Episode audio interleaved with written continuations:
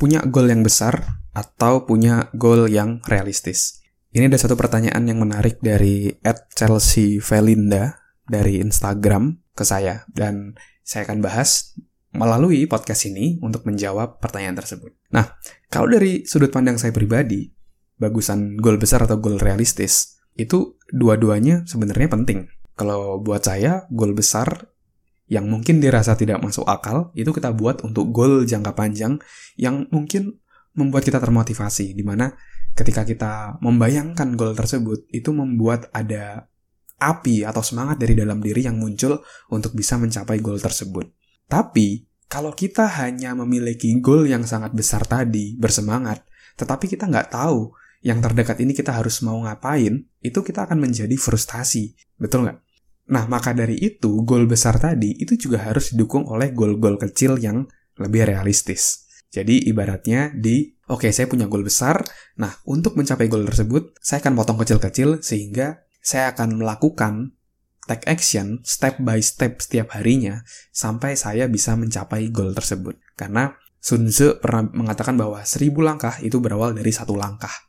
Jadi step by step by step sampai akhirnya selesai. Goal besar adalah kumpulan dari gol-gol kecil.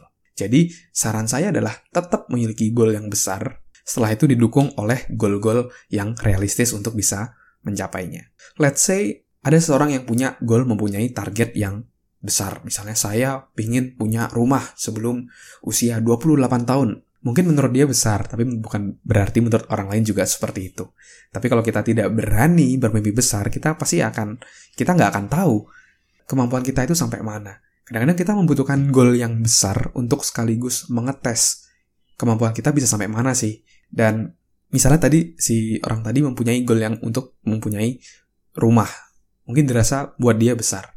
Nah setelah itu, bimbing diri Anda dengan pertanyaan-pertanyaan yang membuat Anda semakin jelas apa sih yang harus Anda lakukan step by step untuk bisa mencapainya. Jadi tidak hanya sampai di mimpi aja, goal akhir, tapi goal prosesnya juga harus dilakukan. Anda bisa lakukan misalnya contoh, oke, okay, saya punya pengen punya rumah di sebuah lokasi. Kira-kira harganya sekarang berapa? Kalau saya beli 5 tahun lagi dengan ada inflasi, kira-kira harganya jadi berapa? Berarti kalau misalnya 5 tahun lagi saya mau beli rumah tersebut, berarti saya harus nabung sebulannya berapa? Untuk bisa nabung tersebut, saya harus punya penghasilan berapa? Nah, semakin mengerucut. Untuk bisa memiliki penghasilan tersebut, saya harus bekerja sebagai apa? Untuk saya bisa bekerja di posisi tersebut, saya harus memiliki kemampuan apa? Saya harus memiliki pengalaman apa? Jadi yang awalnya hanya sekedar fokus goal besarnya pengen punya rumah, mendadak menjadi ada goal-goal kecil realistis yang mendukung. Saya harus punya skill apa, saya harus punya pengalaman apa, mungkin lebih diperinci lagi, kapan saya mau belajar, saya mau belajar ke mana. Nah itu juga semakin membuat goal yang besar tadi menjadi goal yang realistis. Karena didukung oleh goal-goal yang kecil, goal-goal realistis tadi untuk mendukung Anda untuk mencapai goal besar tadi. Kalau dari saya, seperti itu, jadi kita membutuhkan dua goal tersebut untuk membuat kita terus bertumbuh dan terus berproses. Oke, okay? thank you at Chelsea Velinda sudah bertanya melalui Instagram.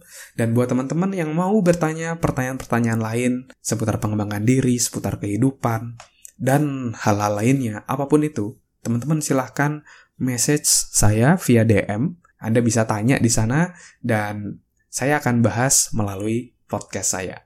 Oke? Okay?